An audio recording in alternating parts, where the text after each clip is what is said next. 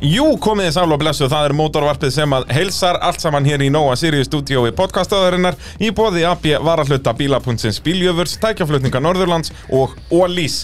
Og eh, rallycross, já, Íslandsmótinu er lokið, sjötta og síðasta umferðin fór fram í greininni núna um helgina og nýbraut, það var farið á svæði kvartmjöluklúpsins og hingað til minni komin, eh, já, að sjálfsögðu, Ívar Örts Márásson og ætlum við að krifja þessa keppni, er það ekki yfir minn? Jú, heldur betur. Ég býð alltaf eftir að kalla mig Herra Rallycross, eins og Já. Martin Skanke. Mr. Rallycross. Mr. Rallycross Það kemur eftir svona 25 ár Já, ég kom með móttu. Já, það kom En, uh, já, nýbraut Og Já. hún lofar bara helviti góðu Já, þetta var mjög skemmtileg frumraun. Það myndi ég alltaf segja. En það ekki Og svona, verður gaman ef þetta, ver, ef þetta er komin til að vera, sko.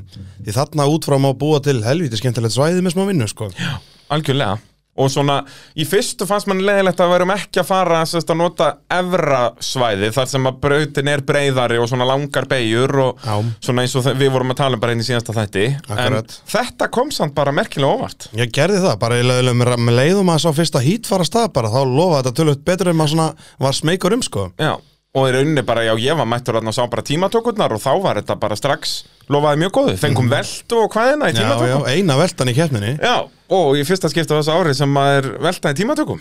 Já. Þannig að þetta er, eh, þetta er stórfínt. Já, já, það var nóg að hasa þarna, það var þetta ekki allavega. Nei, alls ekki, alls ekki. Og eins og segja, bara ef við myndum halda áfram með nákvæmlega þetta layout, að þá er þetta bara að mínum að þetta svona nokkrar smá breytingar sem þurft að gera til að brautin er það ennþá skemmtilegri. Já, ég er sammála því.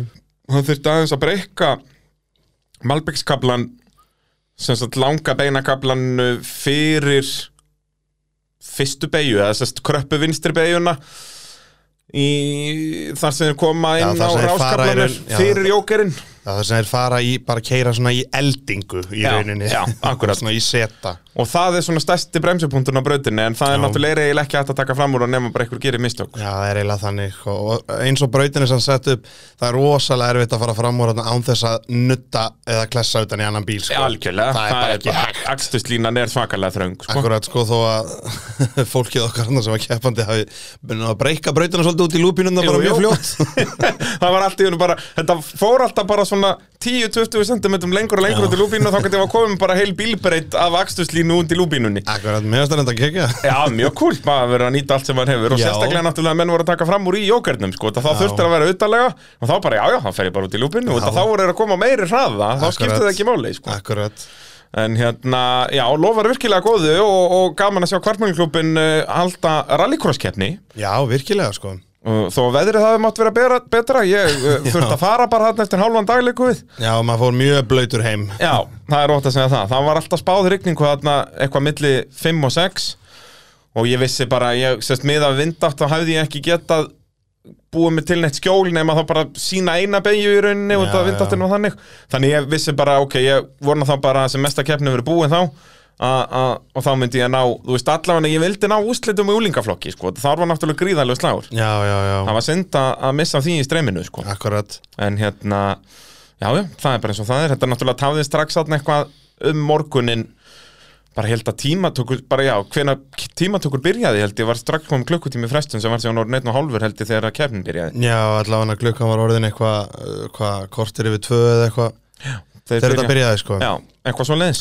Þannig að þú veist eins og maður má alveg, þú veist, við búast þegar að vera að gera svona alveg nýtt sko algjörlega, og náttúrulega þurfum alveg að tala um það hvað keppnin var löng og, Já, já. og hérna en náttúrulega sko eins og ég sá þetta það runa, aðal tafirnar var eitthvað sem var að brautina, þurfti að laga brautina og laga Já. einhverja veggi og vesenast og, og reyna að laga uh, þar sem kom grjót og þar sem hún var að- að og maður skilur það með nýja braut Þú Já, já, veist, já, þá já. bara vita er það núna ok, heyrðu, við þurfum þá að Það laga verður þetta, að vera þetta, þetta. tunnur eða eitthvað, það verður að, að, að þau- þeir munu skera já, já, það, ef Það er það er bara þannig. hægt það er, og ef það er bara að keila þarna þá keirum við bara að keila Það var bara fyrsta sem maður hugsaði með að koma þannig bara Úf, þetta á allt eftir að vera bara, já, maður veit það alveg hvernig það verður skilja Þetta er bara, það er alveg eins og hjá á æhábröðinni sko. Algjörlega, Bara nema fer þá erum við strax. bara með tunnur og og, vörubíladekk Og vörubíladekk, ímislega sem refsar þeirra og gerir þetta sko nákvæmlega og hérna, þannig að það voru svona helstu tafið Já, annars, já. þú veist, það var ekki eitthvað mikið tafið ef bíl stoppa út í braut, hann var, það var sótt hann alveg á núleitni og já, allt já, svona já. þannig að- að bara príðis aukulegt hjá KK, óvægt að segja það já, já, bara vel græjaður sko það vantar ekki með tvo pallbíla hann til þess að draga og þú veist, og svo náttúrulega með traktorskröfuna hann og þú veist, og með traktorinn sinn hann þú veist, hann er vel græjaður sko algjörlega og bara frábært líka sem samstarfið þarna á milli KK og AIH akkurat sko, það er bara og hann allt er bara eins og komið til það á að vera já, Já, það er, ég var ein- að hérna bara að skoða þetta á Google Maps hvað er stutt á milli þessara brauta ef já, þú myndir setja Silverstone í kapillurhönnið þá væri kvartmjölubrautin og rallycrossbrautin inn í Silverstone Silverstone væri Já, fyrir utan það- að væði, þú veist, þetta er ekki lengra á milli sko. næ, ég veit að í loftlínu er þetta rosalega Þetta stutt er sko bara, þú getur, það er ekkert mál að labba Já, þú þarna á milli. heyrir alveg upp á rallíkarsbreyt og öfugt sko, þú heyrir alveg á milli ef það er eitthvað í gangi sko. Leikandi, leikandi Já, já, Þannig að það er þetta er, alltaf ekki, þetta er líka mjög spes að það eru sest, tvær kappasusbrautir á Íslandi eru alveg mismunandi klúpar en eru basically á samastað Akkurat, þú getur skotið á milli Já, það er hérna hugkulegt Mótorvarpið að sjálfsögðu í bóði AB varahluta Hvetjum alla til að eh, kíkja þanga Þeir eru með frábæra málingafurur frá glasurit til dæmis Bæði fyrir þá sem að eh,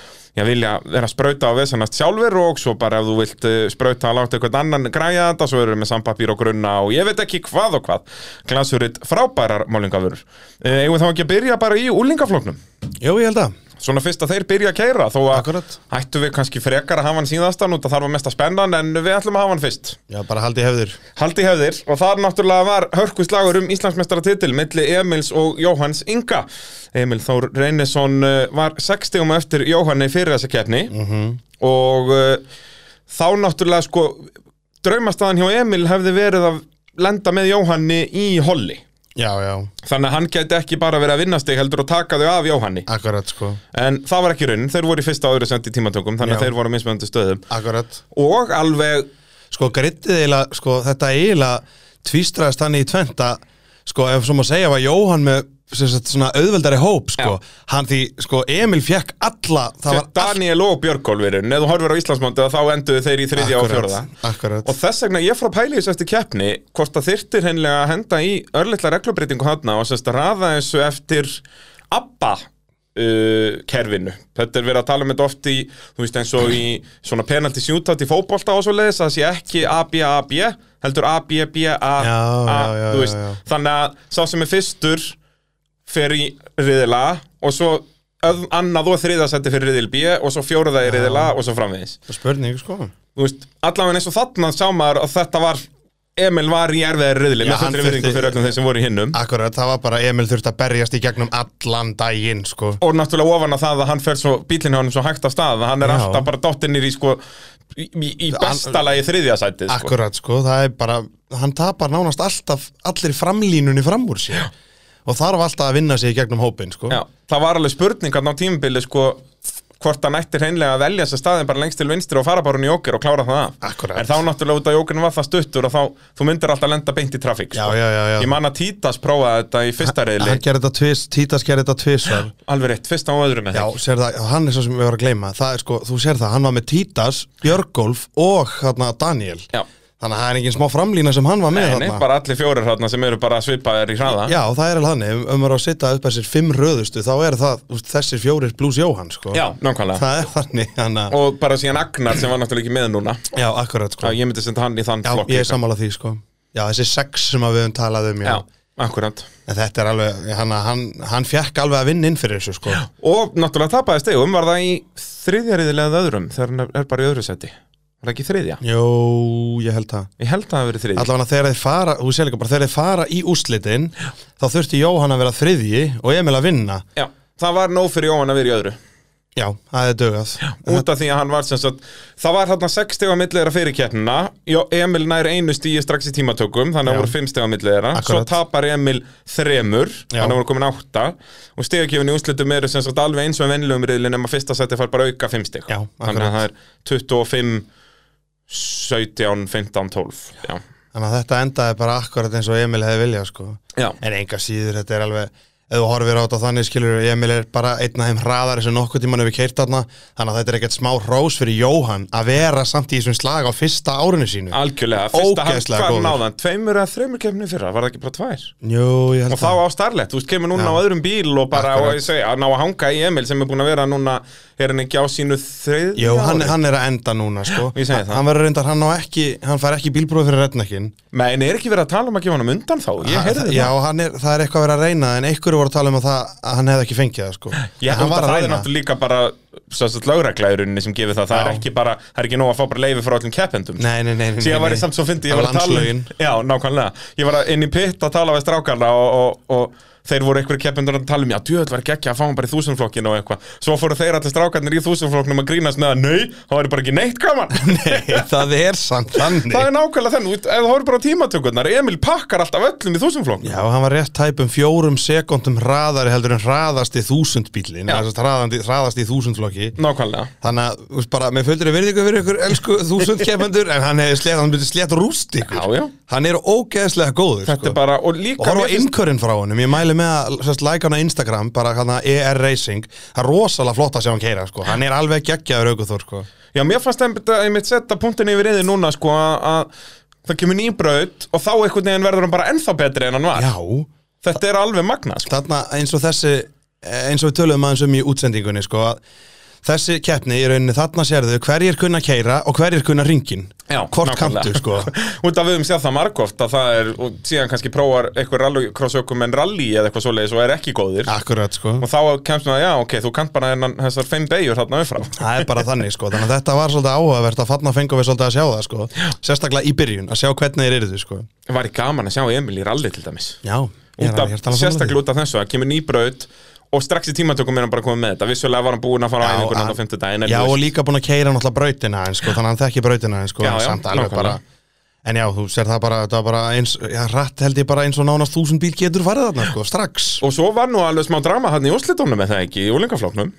Var Jú, ekki jú. þeir fara eitthvað aðeins saman Jó, jó, jó, hann endar upp í hól sko, þeir Já. sérst fara saman inn á sandsbyrnukablan Alveg hlifið hlið hlif við hlið Og Og það náttúrulega í gegnum bremsuljós á um. þekkinguna fer bara kóruum einn bíll. já, já, og þeir bara kóruur vildi gefa eftir skilur þannig að þeir fara, þeir sikk sakka eitthvað þarna saman, ég sá þetta reyndar ekki sko en svo endar sérst, jó, hann endar upp í hól Já, og það er náttúrulega dýrkipt mistök hjá Jóhann ef maður pælir í þú, út að Jóhann er að keira upp á annarsætið já, ef hann, ef hann hefði bara sérst, ef hann hefði bara, Bara hleypt hleyft Emil, honum já, og já. eldan og eldan mm en hann fær björgólf hann á milli og næri ekki björgólfi sko. Það er nefnilega málið, sko, að það er eins og hann, þeir hafi kannski ekki alveg verið með stöðun á hreinu í Íslandsmótinu fyrir þetta, hvort hann hreinlega vissi að annarsætti myndi döga, sko. eða bara hiti leiksins og allt Nákvæmlega. þetta sko, maður veit ekki það er erfitt að setja sín í stöðu inn í kapastu hjálmi sko, Já, hvað er að það gerast á það þessum er stundum nákvæmlega svo leiðis og en eh, Jóhann Ingi eins og við tölum um magnaður árangur og, og já, ég sé engan fara að vinna hann á næsta ári í úlingaflóknum já, það er allavega hann er rosalega hraður sko. Já, og en svo síðan þegar ég segi þetta þá skoða ég hinn öfnin sem eru á næstir Já, þeir Daniel eru Björgólfur, þeir, Bergþóra þeir, þeir er allir þarna sko. og þó, nei, er ekki Bergþóra Já, að klára Bergþór, núna já, Bergþór er að klára líka Það er rétt En þú sér það, þeir sem að, þú veist, við höfum hérna af þessum hröðustu þeir, þú veist, þeir eru orðnir rosalega góðir sko. Já.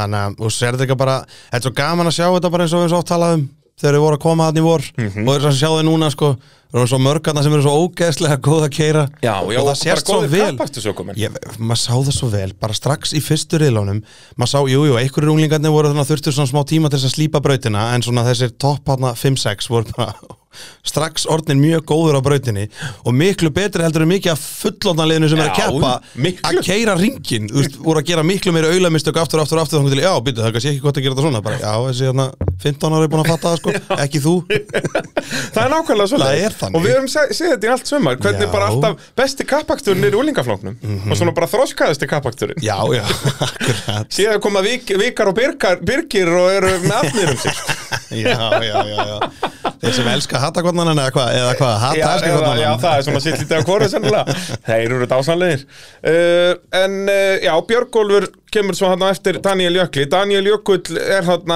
efstur þeirra sem að er byrjuðu í vor í rauninni Akkurat, Endar Íslandsmundin í þriðansend eftir að náða öðru sem seti er núna, rosalega ekki? flottur árangur sko. Já, nefnir var ekki Daniel á milli þeirra, en ekki Björgólfur Daniel var, Já, Daniel var á milli þeirra, já, akkurat Daniel var annan núna um helgina og þriði Já. í Íslandsmundinu akkurat geggjaður árangur og bara geggja sumar í honum nýbúin mjög. að vera yngsti Íslandsmeistari sögunar í rallinu Akkurat, þannig að Og- stimpla sér mjög snemma inn í sögubækurnar sko. heldur betur, heldur Verulega betur. flott. og hann verður ansið skæður á næsta ári, það er ekki nokkuð spurning Það er alveg hann og sko. alveg eins og Björgólfur, það er það sem verður svo áhugavert núna að, þú veist, ég er ekki að sjá neitt af þessum sko 14 krökkum núna að fara eitthvað að hætta á næstunni sko. Nei, það efast ég um sko. Þú veist, þau eiga eftir að vera núna allavega svona tíu þeirra alveg öll næstu 2-3 árin Það er Svo svo eftir að mörg bæta sem eru stofan á það. 14 á, á 15 já dag ég segi það, það er fullt núna sem er ekki orðið 15 sem ennþá eru tvö sísón eftir og hérna, svo eiga eftir að bæta stofana það Það koma nýjir inn þannig að- að ég, þú veist, á næsta ári og þar næsta held ég að verði bara þú veist, byrja að skipta úlingaflóknum í þrend sko. Það geti alveg farið svo sko. það er bara, ég held að verði nákvæmlega svo leiðis Þetta er rosalega góð, svo bara svo gaman að sjá þau Þau eru svo, þó eru þau alls svo mikið saman Ég veit það. Allir krakkarnir sko, þau Þau eru eru alls svo svo mikið góði vinir, vinir sko. Já, ég veit að ég elska það svo mikið, sko. Akkurat sko, sem þarna- að fullanda fólki bara getur ekki alltaf, nei, ég er að grínast Nei, það er alveg geggja að sjá hennan hóp sko, þetta er bara flottasti hópur sem að Sest, unglingaflokkurinn hefur átt sko, það er í rauninni þetta ár hann hefur aldrei verið svona góður sko, hann hefur oft alveg verið skemmtilegur Já, já. en þetta er flottast árið í unglingaflokki myndi ég segja frá upphafi Já, bara og líka- bílandi geggjaðir bara, þú veist, og gaman, bara þau eru svo ógeðslega mörg sko. Já, einmitt, sko, bílarnir flottir, þú veist, það er svo mikill metnaðar andan, sko. Það er nefnilega máli sko Þetta er nefnilega gegga, þetta er bara svona fullt af pínlurillum kapasturliðum sko Já, nákvæmlega. Ógeðslega cool sko Nákvæmlega. Og hérna, Björgólfur náttúrulega endar hérna í fjórðasett í Íslandsmótinu, er það ekki? Já, en hann er náttúrulega kút veltir í bílnum hann í sömar Já. Í annari keppni. Mhm. Og maður tók alveg eftir, það hægðist aðeins á honum eftir það, sko. en ég held að sé komið tilbaka Já, það ég var einmitt að fara að segja það, sko. Mhm. að Hann alveg tók skref aftur og bakkarn eftir, út af þetta var náttúrulega svakalega velta. Það er ekki smá bylta sko Og hérna, þá svona aðeins hægist á honum, en, en já, ég myndi segja að hann var Hann kominn fann aftur, sko. rithman aftur sko Já, já, hann, maður sá það alveg sko Algjörlega. Annars hefði hann aldrei verið í þessum hóp sko Ef hann hefði ekki verið með rithman sko Þannig að hann er alveg bara, það var mjög flott keppni í honum sko og bara kannski óheppin líka að lenda í þessu holli í rauninni Já, ég hugsa að hann hefði alltaf verið bara nokkuð svolit annar á eftir Jóhanni í já, hinu í sko. hinnu sko Já, já, já hann er að- að Ég en sést- svo sést- segir maður það en þeir voru samt segir hann að Gretar og Daði Freyr og fleiri þarna hinu megin Já, sko. já, já, já, og Anton Anton náttúrulega lendir í vesinu, við tölum um það á eftir Jú, jú En Uh, einu sinni sínu samstöðun í þessu Jep, nákvæmlega maður Eh, Bergþóra Káradóttir, hún er náttúrulega klára núna mm Mhm. Já. þannig að ég býð spenntur hvað hún gerir núna á, á næsta ári Já, hvort hún ég- fari upp í þúsund eða eitthvað meira Já, ég vona það sko Ég ma, núna, núna erum við að fá að sjá náttúrulega fyrsta hópin í rauninni vaksa upp úr þúsund bílunum sko Já. Og maður er svo að vonast þess að þeir haldi þá, þau haldi áfram sko Eins og hún, bara eins og við við langar sáum rosalega að með sjá hana Oliver, Arnar Má og Smára McKinstry til dæmis Akkurat, skilur við. Að- og þau eru ennþá að í dag, Akkurat sko, maður vil svo halda krökkunum í þessu sko algjörlega Og ég það vona, ég var rosalega til þess að sjá Bergþóru fara hérna til dæmis í þúsund sko já. ég held að hún getur að skeið þar Já, nefnilega mjög. Ég held hún yrði, ég hugsa, ég myndi, ef ég ætti að veðja, þá myndi ég halda hún yrði meiri par sömur svo fremstu línu, sko. Já. Með hópnum sem væri hann í dag, ég held það. já, Mér hún finnst hún væri það svona hún væri, já, ég myndi segja það hún væri þarna svona berjast við það þarna væri kannski ekki alveg að berjast um fyrsta sætið en væri svona kannski, já, við Sævar og Konrad og, og þá þarna Mhm. Já, svona Mhm. svona, midfield. já, fjórða, þriðja og svo náttúrulega alltaf að taka, þú veist, eins og S- Sævar og Konrad gerði í sömmar alltaf að taka einn og einn sigur, sko, í, Já, í já. reðlónum Akkurat, sko. En, en já, verður áhugavert að sjá hvað hún gerir í framtíðinni uh, Anton Óri Grants náttúrulega Brítur, var þetta ekki aftur brotin girkassi á Jó, honum? brýtur kassan í honum og svo mannstu koma hann og við bara, nú, heyrðu, var ekkert að bílnum. Já, við heldum ok, þetta hlýtur að vera þá bara brotin öxull eða Já, eitthvað akkurat, en nei, nei, svo sá maður þetta á, á Facebook. Jú, jú, en einu sinni kom allir papparnir og skiptum kýrkassa og rífa hann úr Kiddi öðrum og bíl Valdi upp og frá. allir, Já, já, það var fyrst þess að bara með þeir að draga hann inn í pitt þá er mættur Jaris bara í miðjan pittin verða að rífa úr honum kassan og svo bara, og þetta er líka alltaf sömu andliti sem maður sér hann 29, ég, ég og, held ég að við lesa þetta að það eru 29 mínútur Já, sem skiptum kassan. úr og í Já. Það er magnað sko Já, þetta er bara Það þurfti bara rallycross áhuga menn þurfti að opna bara Toyota vestæði og bara Ég held það það er þau ímyndar hvað getur verið mikið í fríi þú Já, myndir nákvæmlega. gera reikningina fyrir 16 tíma vinnu að skiptum vel eða eitthvað svo reynd bara því af í háttegin og fyrir heim Já, ég sé líka alveg fyrir mér ef ykkur lendir í því að þú veist að láta skiptum vélinn í ægónu sínum á vesta það er bara, býtu Guðlas Hauga, ert þú mér í vinnu? það rukka með átta tíma fyrir þetta getur farið inn og bara fundið gamla streymið mitt af hérna, heyrðu þeir gerðu þetta á klukkutíma hérna Akkurat Ekki það að nokkrir menn já vissulega, vissulega, með nokkrar verkværakistur og, og hafa gert þetta einu sinni en tvisvar áður og skrúa í bíl Já, ég held að það er svolítið svoleiðis uh, Sara Rún Hilmas, hún uh, stóð sér virkilega vel núna náði hann öðru sæti í allavega einum reyli ef ekki tveimur eitthvað svo leiðis Allavega einum, ég man það Já. hún er bara mist hún gegguð og hún er einmitt sko eins og sérstaklega í þeim riðli þá fannst manni sjá sko að hún er Hilmastóttir Já, já, já. hún er með hausinn ofan á herðunum á sér Já, sko. já, alveg sko, hún er rosa yfirvegu sko,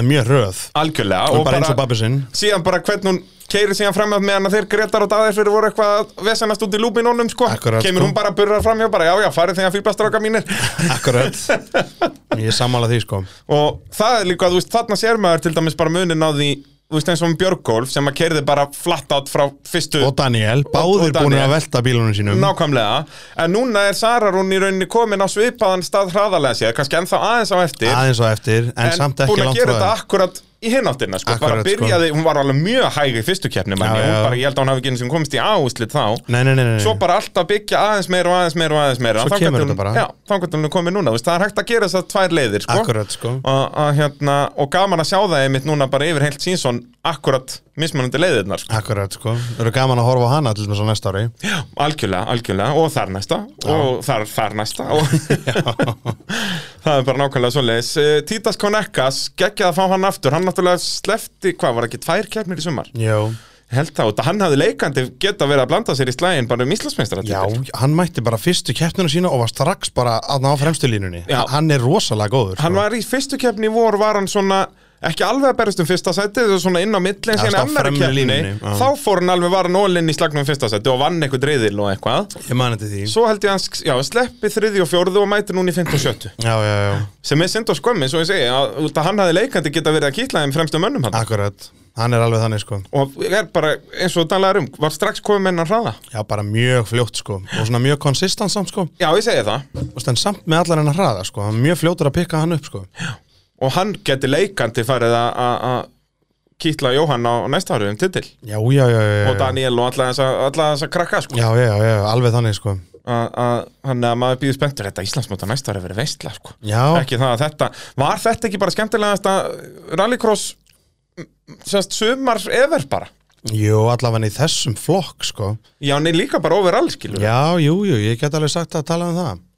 Ég og hugsa þó, sér- nei, nei, það voru nú alveg þó nokkur flokkar sem voru svolítið dabrir Já, já, Já. þú veist, en við erum með sérst unglingaflokkurinn og þúsundir er búin að vera kekkaðir sko já, það er rétt, en úlingaflokkur náni ef þetta er búið að be- besta sumar í úlingaflokki Já, Ég held já, að- alveg það klálega er sko, ekki en þú sér nokkur þess að maður sem þúsundflokkurinn er búin að dragast svolítið úr honum með sem líður á sko, sér það í retnækmótunni í fyrra og hitt í fyrra voru þeir 12 sko, Já, já. fylltu þeir brautina sko og var bara geðvikt að sjá það sko meðan eins og í bara síðustu, já, þar síðustu keppna þá voru þeir fimm hvað fimm, já, sex eða eitthvað þannig að núna þeirra hafa verið svona meðaltali átta eða eitthvað svo leiðis Já, í, í já. sumar það vantar svona þrjáfjóra í viðbátt Já. eins og þetta var að fylla brautina sko Akkúrat. en það er svo mikið að þeim búið að seljast í unglingaflokkin já, að, að þetta verður að dreifast en svo verður bara að fara að smíða fleiri bíla já, það vantar bara að fara að fjölda framlega ægó ég hvet alla sem að svona er að íhuga það að fara að smíða bíla eða svona hafa þetta svona in the back of your head að að það væri gaman að smíða bíla fara inn á Bad Obsession Motorsport á YouTube að þar er farið í gegnum ferli bara nákvæmlega þetta eru svo sem þar eru aðeins öðruvísi reglur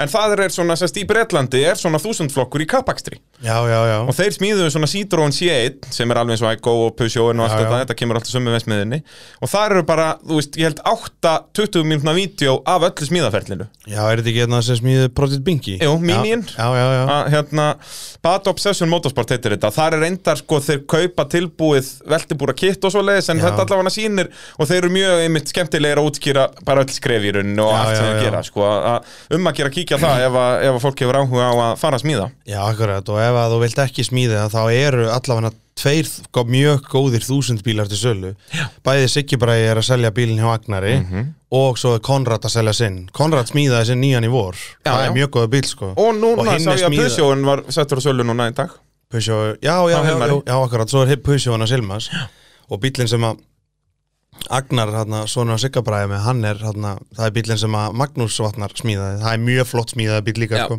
og Agnar hefur sínt það, hann hefur verið á topnum í unglingaflóknum Þessi þrýr bílar allir mjög góða bílar sko. Þannig að það er svona nógur að velja hérna eða þú vil eða þig langar í þetta Algjörlega, bæði hvort og, og þetta er náttúrulega hlandódýrt, þetta er bara eitthvað rétt rúmur 500.000 kall mm. bílinn og, og þú veist, þú getur leikandi verið mættur ráslínu með öllu þó að kaupið nýjan galla og stól og allt á leikandundur miljón sko Akkurat sko og viðhaldskostnaðurinn á þessu við vorum að tala, ég var að tala við þá hérna í Ulfurinn Racing þú veist, viðhaldskostnaðurinn á þessu er bara á pari við meðal sko. reyðhjól Já, það kostar ekki þetta og þú veist, ég held nefnilega að það er svo svakalega mikið út að þetta er svo lítið afla sem bara, þú veist, verið að skiptum stimpla og allt fyrir hvert sísón og eitthvað, þetta er bara smyrja þetta fyrir sísónið og ef þér finnst hann að vera kraftið þá skiptur hún kerti, skilur Akkurat, þú veist, sko. þetta er engin og allt þetta í þessa bíla kostar ekki neitt, sko Það er löngu búið að álagsprófa þessa bíla í 20 ára hjá Dominos sko Já. Þannig að þú sérð alveg hvað þessi bílar þóla sko Nákvæmlega, nákvæmlega uh, Gretar Sigvaldason og Super Justy Þetta var, uh, já, áhugaverð keppni á honum mm Mhm. -hmm. Óvænt að segja það, hann var að lenda í halskinn samstöði og, og líf og fjör Já, já, já Ég sá á Facebook að hann var bara að óska eftir nýjum Super Justy Er hann alveg ónýttur í honum bílinn? eða? Nei, er það? Ég held ekki, sko, kannski vantar hann bara fleiri varahluti Já, þetta fleiri bodyparta kannski bara Eitthvað svo leiði, sko, Gretar, hann er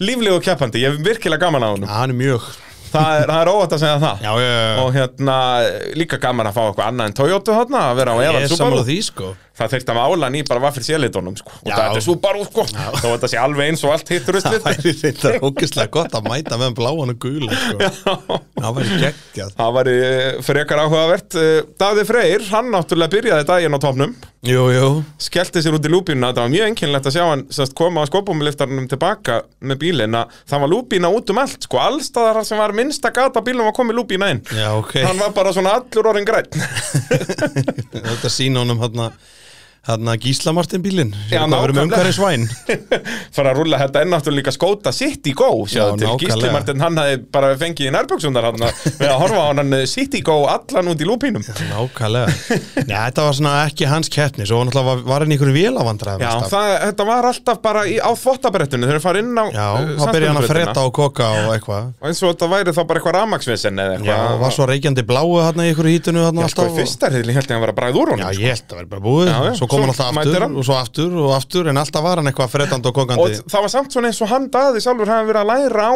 bilunina í Já, hann, rauninni. hann, skil, hann gat ekki snúið honum yfir eitthvað next snúning Allt, ást, eins og Það hann á svona- þóttabrettinu og sett hann í þriðja þá í, Já. gat hann haldið áfram Allan. Þetta er bara svo tóklust í þriðja Já, já, gír ef þú þú ert gerir ekki þarna uppi, neitt, sko, líka út að þessi, allir þessi litlu bílar eru svo bjánulega gýra, þú veist, þetta gýra þannig að þú getur farið upp í 150 á þessu, sko. Já, ég, veit- þetta er náttúrulega bara gýrað til þess að þú veist, reyna að hafa hann á sem hagstæðasta snúning sem hægt er til þess að halda hann á eðslu niður Jep. Þetta er ekki smíð að skapast spýl Ekki alveg. Nei, nei, En, en þá er þetta líka þægilegt fyrir úlingarna, þetta er bara fyrst og annar. akkurat sko Málið, ég held að þeir farið, þú veist, eins og Icon, ég held að hann farið upp í hvað, 105 í öðrum gýrið Já, eitthvað svo leiðis, hann fyrir alltaf í- hann fyrir þryggjastátölu, ég maður það Mhm. þetta er eitthvað fárálegt, sko. uh, Elmar Sveitn á, á bleika Iconum, hann var, í hverju hollinu var hann? Var hann ekki í fyrra hollinu?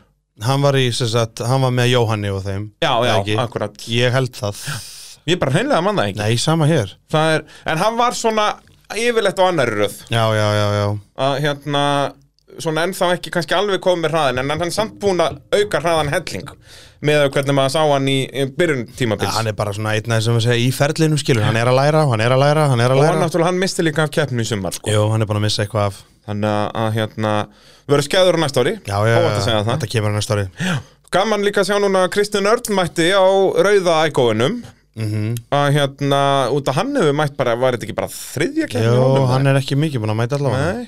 En hann er nefnilega er skæður, sko, ég man að var það ekki í keppni sem hann velti bílnum sem hann var þá búinn að vinna riðilega, var í fyrsta seti þá eða eitthvað, hann var alveg, virtist vera komin með þetta, Mhm. en núna svona fannst mann að taka kannski skref aftur á bak, ég veit ekki af hverju, kannski bara nýja brautin eða eitthvað svoleiðis, Já, getur verið en út af því að hann var alveg búinn að stimpla svolítið inn á toppnum svona, en vantaði ennþá þetta konsistansi finnst mér, sko, Já, já, já, já. en það er náttúrulega skiljanlega með 14 og 15 ára börn já Þetta er svo magna, maður gleymir því alltaf þegar maður tala um þetta að þetta er bara, þau eru í grunnskóla sko. Akkurat sko en, en við erum að tala um hæfni þeirra sem kapastusökumenn Já það er nú bara Já Og líka bara að við setjum upp sko Sko Miðlungs unglingaflokksökumæður Er samt oft bara held ég mjög góður Ef þú setjur hann í Já, hinnaflokkana bara í 14. flokki var hann bara palli í öllum keppnum sko. og veist, þetta er alveg magnað sko. Mhm. að hérna, en samkeppnin er bara orðin svo svakalega hérna. Það er bara málið og vera eins og mér mér er svo gaman að það séu svona margir út að f- fáið sér A og B úslit Já. út að bara eins og þarna með Elmar sem var svona þarna fjóruða fintasætið þá ert þú bara ekkit garanteraður í A úslit sko. þú verður að vera helst í topp þremur bara alltaf ef þú vilt vera vissum að komast í, í Það er bara úslitinu þannig, Þetta er rosalega samkettni sko Og Það er náttúrulega- ekkert sjálfsvætti það að komast í aðhúsleitt sko. Nei, Ekki nei, nála og sem það er í rauninni bara úslit B-úslit er í rauninni engin, þú ert að berjast bara um tvö stig til Já, já, Íslandsmeistara akkurat, þú fær, sko. þú veist, átján stigum meira fyrir að vinna í driðil Akkurat, sko. þannig að þetta er í rauninni bara um það að, finnst bara ekki gaman að keira já, nákvæmlega það er að keira hérna, meira og betra og það er líka skemmtilegt fyrir þá sem, sagt, sem að eru geta þá verið að berjast um fyrsta sæti sem hafa verið í miðjumóðun allan daginn sko, Já, já, að þá já. eru þetta komin í, í slæginu fyrsta sætin í, í síðasta riðli. Akkurat, sko. og við höfum séð það líka í sumar bara hvaða er þá allt í ennu kemur meiri pressa sko og þá fóruðu að gera meiri mistök allt í já. ennu, "Abbi, ha, er ég fyrstur, það er engin fyrir fram á mig Engin til að elta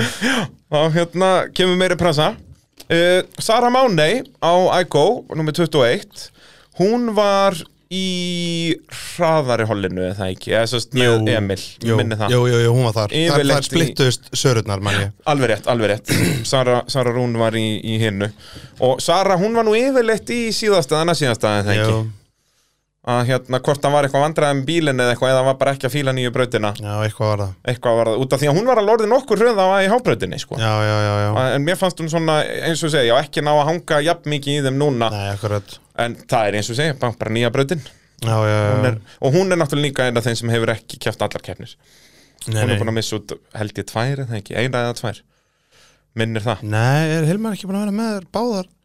Var eitthvað keppni sem að ég held að Sara Máni hafi ekki verið í síðustu keppni minnir það, Jú, þegar þú segir það Minst, Já, það getur verið og þó, ég, bara, jú, ég held það Hvernig námar að muna? Ég nákvæmlega, þetta eru 16 krakkar Allir á eins bíl, hættið að gera grína mér Já, Nákvæmlega uh, Svo náttúrulega Kristbjörg Sunna, hún var í tómum basli Andra dóttir mm Mhm.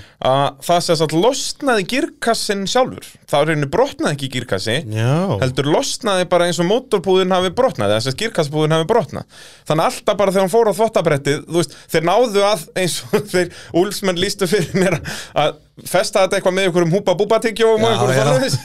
Og svo mætti hún aftur, ég held að þetta hafi gest í öðrum riðli Svo mætti hún í þriðja riðil og þá gerist þetta aftur á þvottabrettinu sest, Þá hrist þetta svo Já, mikið já, að já, þá já. kekk viðgerðin ekki Og hérna að þá gafst húpa búpa tyggjóð upp þeir eru náttúrulega svo vanir í að geta bara líka við hrækt á hlutinu og hann heldur eftir hann helvíti skaftið í, í, í súkunni í hafnafjörðatorfarinu Já. wow, Sem var að alveg smíða magnað. driftskaft og þú veist, og gott að blessa þegar maður horfir á þetta staðinu bara, já, smíðum nýtt driftskaft já, geggjað, snilt og ver- skildið að halda á eitthvað já, síðan horfir maður á GoPro-ið Já, Shit, það hvað ég hef verið- hlustar á já, maður er GoPro-ið. bara að býða eftir brrrr, Já, akkurat, að þetta sko. brotna allt, sko en nei, nei, ha, þeir ról segir Alveg magnaður sko þetta lið líka geggjað, sko Já, ég er ánað með þetta ég er farin að sakna líka BU Racing að þau hafa ekkert mætt núna í síðustu tvær eða þrjár keppnir Já, í allavega tvær rallycrossið. en þau töluðum að mætti rednekkin Já, já, frábært En þá líka er voru hættulega nálægt í að skipta úlingaflokknum í þrend sko. Já, það er alveg rétt hjá þér Það er svolítið svo leið Þau sko. voru mjög nálætt í Það er, Vá, hvað, ef við þau voru skipt- hva- ef það er- hvað mörg Ef núna? Mhm. það er 17 krakkar þá verðum við að skipta í þrend Nú vorum við bara 14 held ég Já. Þannig að með Bio Racing eru komin 16 eins og við hefum verið í Við höfum verið með 8 og 8 Eitt kemur í viðbót Svo vantar bara einn viðbútt og þá þarf að skipta í þrend Pældu þá líka í vesunum með að komast í áhúslit Já, Þá verður að vera í top 3 sko. akkurat Þetta er svakalegt sko. Djöfull er peppa fyrir redneck Já, Það verður veistla já, ég segja með þér En þú hvað, þú verður í útlöndum Ívar Nei, ég hætti við það Í alvöru? að þannig ætlar að vera með mér? Ég ringdi Steppa Bleika í dag og sagði ég kemst ekki með Já, Ég er auðvitað. ekki að grínast, hann ringdi í dag til að kaupa miðan og ég, nei, ég má ekki vera þessu Herðu, hvernig líst þér þá að vera með mér í stúdíói? Já, Að Við verum tveir að lýsa keppninni sem sagt verðum sérst upp frá Nei, Hvað, verður bara að starfa hún í einhverju dimri hólu og... við verum bara í kallara eitthvað staðar í- á sæbröðinni bara Nei, það er sem sagt út að þá ætlum við að vera með svona útsendingu eins og ég hef verið með torfærinni Þá verða fullt af myndavölunum að stánum Já, já, já og við tveir í stúdíói að lýsa þaðan Já, skoðum þetta En það ekki Já, Og eða þá að þú bara yrðir- hvað finnst áhörundum um það? Já, nákvæmlega, eða Hlustendum. sko fyrst þegar ég talaði við þig um að gera eitthvað svona þá var ég að tala um að hafa þig inn í pitt að taka viðtöl Já, já, sem er já. líka alveg jafnskemmtilegt Já, sko. já, akkurat, Út af við myndum alltaf þurfa eitthvað í það Já, já, þannig að spurning sko, út af ég held að það væri skemmtilegra eða mér persónulega myndi finnast, finnast það skemmtilegra að við tveir værum að lýsa -hmm. Mhm. en hvern ættum við að þá hafa inn í pitt þurftum að finna eitthvað í það sko mm. ef að hlustundur vitum eitthvað góðan sem að er svona með ágæta, ágæta þekkingu um rallycross og er skemmtilegur já eitthvað hress og skemmtilegur já, að vera með mikrofónin í pitt Til dæmis Sæmi, eitthvað hress Já, gamli feiti betri guðurinn Vá hvað það væri fyndið að hafa hann í að taka viðtöl Ákveður þetta svona ömulegur Nei, og hann var líka alltaf bara Af hverju ertu ekki að slæta og gera eitthvað ef allar akkurat. myndirnar eru ljótar Akkurat, það er engin bara flottu bakgrunnur en þú verður að gera eitthvað Það var þá tvo hann og Berg að- Þeir var vissanast í að taka viðtölu við alla Geggjað. það, væri, það væri gott kombo uh, En þá, já, sérst Íslandsmeistar í úlingafloknum var Emil Þór Reynesson Og sko manum uh, innilega tala mikið með titilinn Já. Og uh, býðum spennt að sjá hann Okkur skilst að hann verði í 1400 flokki á næsta ári Já, það er alltaf eitthvað skúpsögur um það, þeir Það sé eru eitthvað að skúbbsögur. íhuga það Það hérna og Þeir líka þekkar að bara það sé Anna Reynisson sem að taki jæra sinn Herru, það er rétt, já, litli bróður tangi Jaris Mhm. Já, mér skilst það og þeir sé eitthvað að íhuga sérst 1400 flokks smíði já, sem ég líst mjög vel á sko Já, algjörlega, og líka bara ef það er einhverjir eh, svona, ef það er einhver fyrirtæki að hlusta og að, þá hvet ég eindrið með að styrkja þennan dreng því að Mhm. það er, því að það sem að, að okkar eh, ok- okkar fólki í motorsportunum vantar að það eru peningar til að halda áfram og, og Akkurat. Emil er með gríðalegt potensial er bara, ég tæplaði 17 ára gamall og, og Í rauninni, ég hugsa að hann myndi gera það gott alveg saman hvað hann myndi fara að gera, sko. Þú veist, mér persónulega myndi vilja sjá hann í rallinu, sko. Mhm. Og bara, þú veist, eins og það sem hann sannaði núna, hann kemur ný braut og hann verður ennþá betur með allir hinnir. Mhm. Það svona segir mér að, að hann er hraður, ekki bara kann að kera eitt ring. Akkurat, Að, þannig að hann getur ólisegur í rallinu. hann kann ekki bara brautina, hann er bara virkilega góð keirari og ef þú horfir bara á hann, þú veist, það bara hann klikkar ekki á bremsupunkti, þú veist, það bara Já, hann, mér hann er búin að, fannst hann er búin að magnað sína þessari. svo mörg, það er svo mörg moment í sumara sem hann er búin að sanna það hvað hann er góður, eins og til dæmis með hann þjóðstartæði Já. og vansandri Ég hugsa að það sé svona highlightið því Já, það er það alltaf, sko, að Reysir að vinna sig í gegn- þriðju línu og, pakk- og fer í gegnum allan hópin Já. það er ekkert grín og tekur líka fram úr þeim sínasta í síðustu beiguna, sko. Akkurat. Þá fer hann fram úr og þá var hann einmitt með Jóhann í riðli, sko. Akkurat. Þannig að hann var að taka fram úr þeim hraðasta, sko. Akkurat, á braut sem er ekki hægt að fara fram úr Nákvæmlega. og fara að storma í gegnum allan hópin sko. Þetta var styrla þetta var geggja sko Uh, bílapunkturinn að sjálfsögðu að styrkja mótorvarpið alveg eins og þeir eru að styrkja streymin frá mér uh, ef að þú ert í vandræði með bílinn þá vinna þér fyrir öll tryggingafélög þannig að ef þú lendir í ykkur tryggingatjóni þá hefur þau samband við valda í bílapunktunum og hann rettar þessu fyrir þig og getur sagt nokkra hetjusögur á rallycrossinu líka já, heldur betur og náttúrulega líka bara þeir eru með allar almenna bílaviðgerðir Já. þannig að þú ert með Toyota, svona Ico eða Yaris og það er um vélega girkassi ringir í valda, heyrðu ég er búin að sjá að þú getur græða þetta bara hálftíma, get ég ekki komið með henni í hátægin og hann sé tilbúin kljóðan tvö já, ég, nei, hel, það er alltaf góðar aðstæður það bara, heyrðu, getur ekki gert þetta bara út á reikinsbraut Já, já, nákvæmlega sko. Þannig úrbættu við Grindavíkur Já, afleikina. það- Það er mikil rigning en ég sé að þið fílið það já, nákvæmlega eins gott að við séum ekki leðilegir við valda hann ringir bara já, ég sé þetta alveg fyrir hann ringir bara Henning, Alli, það er túr Já, já svo, það er útkall rauður síðan bara svona hoppaður upp úr svona skurðum þarna á, á, í keflavíkinu og koma frr, græja þetta á klukkutíma nákvæmlega Þetta er geggjað sko uh, Skellum okkur þá í þúsumflokkin já, Þar, já voru þeir teknilega þrýr sem að áttu möguleika á titli mm Mhm.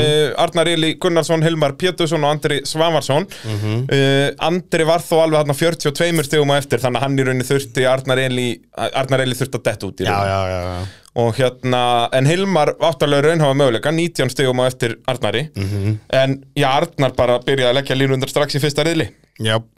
það er bara þeir áttu í rauninni aldrei breyk Það, var, það, já, það er eiginlega bara engilega að lýsa það betur hann Það- bara pakka þessu Andri og Hilmar voru svona mestu að berjast um annarsætið bara já, En svo var Sævar Arnar Eli líka bara, hann vann segur alltaf startið og bara, bara hvernig já, og bara rústa þessu Sævar óheppin, ég frétti það að, að hérna, semst Sævar að bláa ækonum já, að semst tímatöku köpurinn hans virkaði ekki morgunin og þá bara hann fekk ekki tíma þeir náðu ekki að græja það eða eitthvað og náðu ekki að fá annan köpið eitthvað þannig að hann bara- þess vegna ræst hann aftastur í fyrsta reyli sko.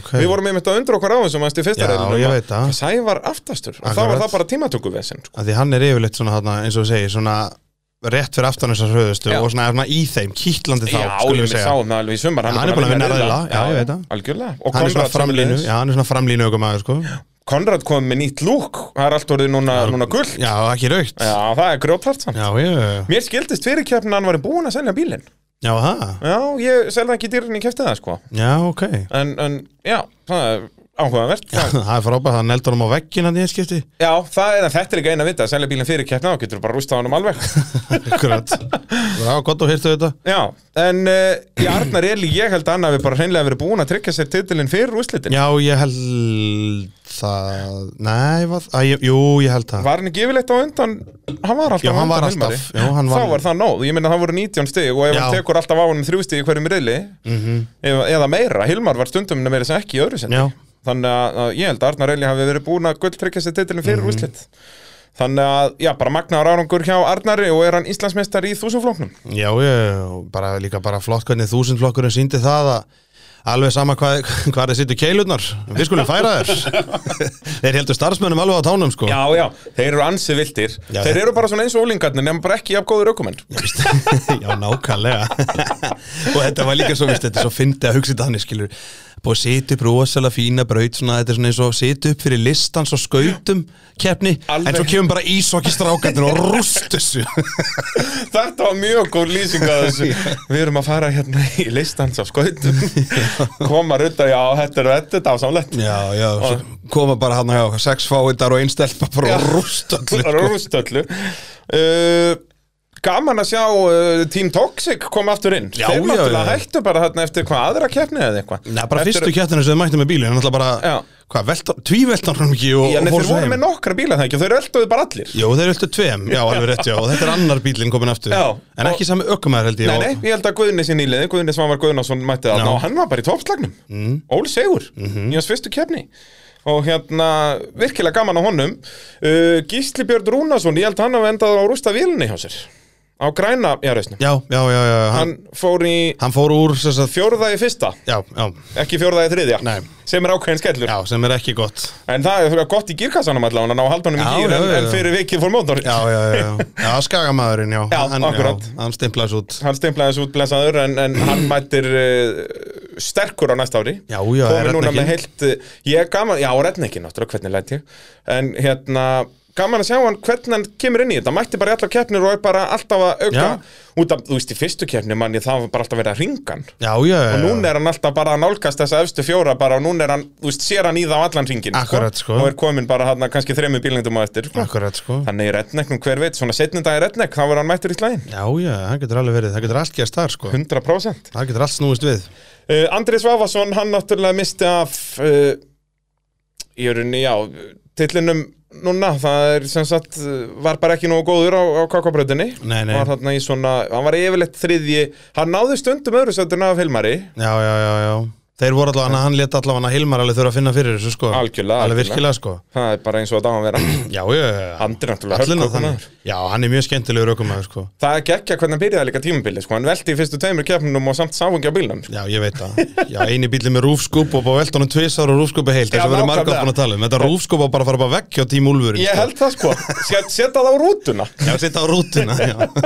Þeir voru nú að tala um það í Úlfurinn sko að þeir ætluðu að skella bara heitapott á, á þakið á rútunni Já, sem þeir getur verið í heitapottunum allan daginn og svo væri bara krani á sem að myndu nota sko skítugt baðvatnið í að reynsa bílana út að þá væru þeir allir svo olíubleitur ógeðslegir í heitapottunum að væri smá svona olí á þessu þannig að þetta væri basically eins og að bóna bílana bara já geggja maður. Nei, þú- þá þú veist þú eiginlega að fá hann að rá- lána það og bakka þá rútunu upp á þannig að þú getur livestreama bara úr pottinu þarna. Við erum bara með kaviar og kampavín. Svellu volgan og kampavín og sitt svona með bumbun upp í lofti í heitum potti Djúvel var það ekki ekki Já. Heyrðu, Úlfurinn Racing, við þurfum að retta þessi vettur Svo ert þú bara, já, þú lýsir, þú bara og ert með skósveina í að filma. Já, ég er bara í, í hérna með svona fljótandi svona drastl fyrir framar mig með svona fartölvu og, og köppholder með kampanjinsklasi og lappirnar svona upp úr hinnu megin og svo, já, hvað hérna, jú, Andri er hérna komin upp í annarsætið Eða eins og vikar kallar að mánudags morgun. Já, nákvæmlega Boom, Pá. pow uh, Og já, Hilmar Péturs náttúrulega á pusjónum uh, Ég reyndi hvað hann gat að ná Arnar Eli en Arnar Eli bara stakk, Já, stakk já. allaf Það er alltaf bara bara svona frá startinu og ég skil ekki meist að hann, hann tapar alltaf startinu pusjóin já, og alltaf bara þess að hann í annan gýr þá bara einhvern bara hefur veginn sigla henni, hann bara eins og Emil Já, það er nákvæmlega, það er eitthvað með gýrunina eða eitthvað, það er eitthvað það mismunandi er í þessum eitthvað, pusjó já Það er, ég er alveg sammála út að bara í því allt Hilmar sumarið kann þetta alveg svona. að starta honum skilur við, þú veist, og bara það, ég meist þetta ég skil þetta ekki, sko En þetta er einmitt ekki alveg eins og hjá Emil út af hjá Emil er þetta bara st- st- um leið og er ræsa já, Hjá já, já, pusjónum já. er þetta þegar þeir setja annan þeir eru sett í annan, já, já, það er rétt að hérna, það er eitthvað sem maður mætti skoða með hennan pusjó já, ég held það, mér finnst þetta voða skrítið En annars er þetta topp bíl, sko, þannig ef ykkur kaupir hann núna þá bara nota viturni að finna út af hverju hann er svona hægur á stað mm. Mhm, geggjaði bíl Gekkja það bíl með, því, með þeim betra þarna, sko, hann keirir því Hilmar er samt mjög hraður í ringnum já, á þessum algjörlega. bíl, alveg svakalega Já, sko. hann er oft hraðastur í tímatökum Já, já, Svona yfirleitt eiginlega. Já, yfirleitt, sko En hérna, já, endar í öðru sendi í Íslandsmótinu og Andri þarna þriðji Gaman að fá Sævar Þór aftur, hann var ekki með í síðustu En hann kefni var ekki síðast Og hérna, var bara solid þarna eins og, eins og honum einum í lagið Já, bara mjög, hann er mjög þannig, hann er mjög svona konsistant sko, hann er alveg með það á hreinu og hérna, Yfir keiri sig ekki mikið að þannig sko, og bara skemmtilegu keiri er að finnst mér sko ég held að hann geti leikandi farið í slægin um, um titilin á næsta ári eins og hann var bara hérna framan af tímabilsýrun Já, já, já, já. að hérna, og síndi það að ég held að hann hafi verið í fjórðasætti með þess að Íslandsmótinu fyrir þessa keppni þó að Konrad hafi verið búin að keppa fleiri keppni já, ég held bara að Sævar líka bara eins og í reddnæknum sko Ef hann bara, þú veist, ítir sér aðeins lengra, þá er þetta alveg að koma hjá, þá er hann alveg að geta verið þarna bara í toppslagnum alltaf sko Algjörlega, verður gaman að fylgjast með honum Já. þar uh, Konrad Kromer, uh, hann svona, mér fannst hann taka eitt skref aftur á baki í rauninu þessari Já. brautinu Hann er búin að vera í toppslagnum sko Akkurat En hann sko svona var aðeins að fjarlæðast á núna Já, hann líka bara, náttúrulega tjónaði bílinn illa þarna Já, strax sko maður hefur kannski haft eitthvað áhrif á hann sko og svona Já, já. nýtt svæði og, algjörlega og svo já, helvitis afturdrifið í agónum Lítið sáttu drifið Hún þvælist fyrir Og Rakel Ós, hvað er nú alltaf, hún er alveg alltaf jafn lífleg á brautinni Já, já, já, Hún var að já, já. henda sér upp á tvö hjól og ég veit ekki hvað og hvað Tjöfull var hún tæpaði að fara á topp- topp- toppinn Já, og ekkert einu sinni, sko Nei, nei. Ég held að hún sé nú með vendaringil sem svona upp, upp, upp, ekki lengra upp Þú veist, og bara halda alltaf við bílinn sem var líka geggja, sko, það var alveg fullt af ljósmyndum á brautinu og ég var byrjað að skoða ykkur myndir á, á Mhm. Facebook, kiki, eða mæli með að kíkja á rallycross áhuga menn á, á Facebook og þar út að maður náttúrulega gæti ekki séð alla keppnina, Nei, að þá nei. var maður að sjá, þú veist, eins og Hilmar var líka margóft upp, á- upp á tveimur hjólum hér og þar, sko Já.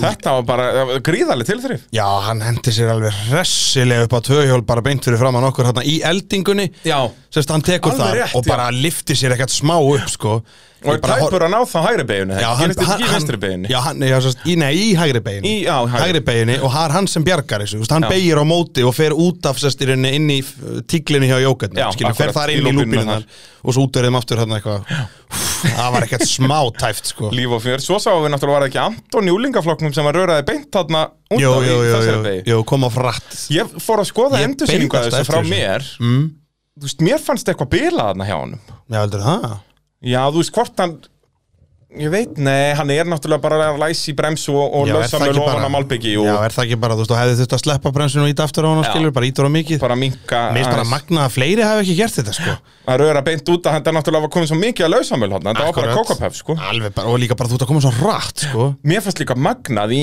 það var þjá fyrir þriðjariði ljúlingaflokki og dólingaflokkur keirur fyrst þarna í þriðjariðli Já. og þá var rigningin, þú veist, þá var öll brautin orðin rennandi blöð Akkurat. Mér finnst magnað að enginn hafi bara bombað út af þá eitthvað og þetta gripið úr allt öðru Ég er nefnilega, það er það sem að ég horfði alltaf á, þeir kom alltaf allir bara og það er það sem ég fannst þeirnum eins og geggjaðir kappasökum en eins og í unglingaflokkur úlingaflokknum, bara í Af því fjórða þeir kýra eru- eru... komaðan og neldu bara eitthvað aðeins fyrr og bara náðu þessu öllu 100% Akkurat sko, eða þriðja eða ekki Ah, Jú, þriðja Jú, sennilega. þriðja, já, og þú veist og bara maður er að horfa á að koma búin að vera í þriðja gýr í svona þrjár, fjóra sekundur en þú ert komin alveg mun hraðar en hún er nokkuð tíman hinum einn, skilur Jep. Svo beið maður alltaf eftir bara kk, eitthvað myndi læsa, en einhvern veginn allir bara bremsu bara, bara, Já, og öll meira að bara segja bremsuðu þeir voru þessu að rétt. bremsa þarna, sko, það eru bara nokkur feta á milli bílana og Já. enginn klessir á neitt og, Ég veit það. þetta er bara störtla sko. Já, ég bara, ég átti ekki til orð, ég bara, ok, ég var alveg vissum að einhverju myndi renna þegar rigningi á komið, en núna fara þær hérna að Nú- skauta hérna aftan Já, á hvern ég- annan og snúa hvort öðrum og bara eitthvað. þrýr, fjórir bara út í, út í veggina sko. Nei, nei, eru geggja að gýra niður á mótobrensa og allt bara, þetta var bara geggja að horfa á þau, sko. alveg störtla um,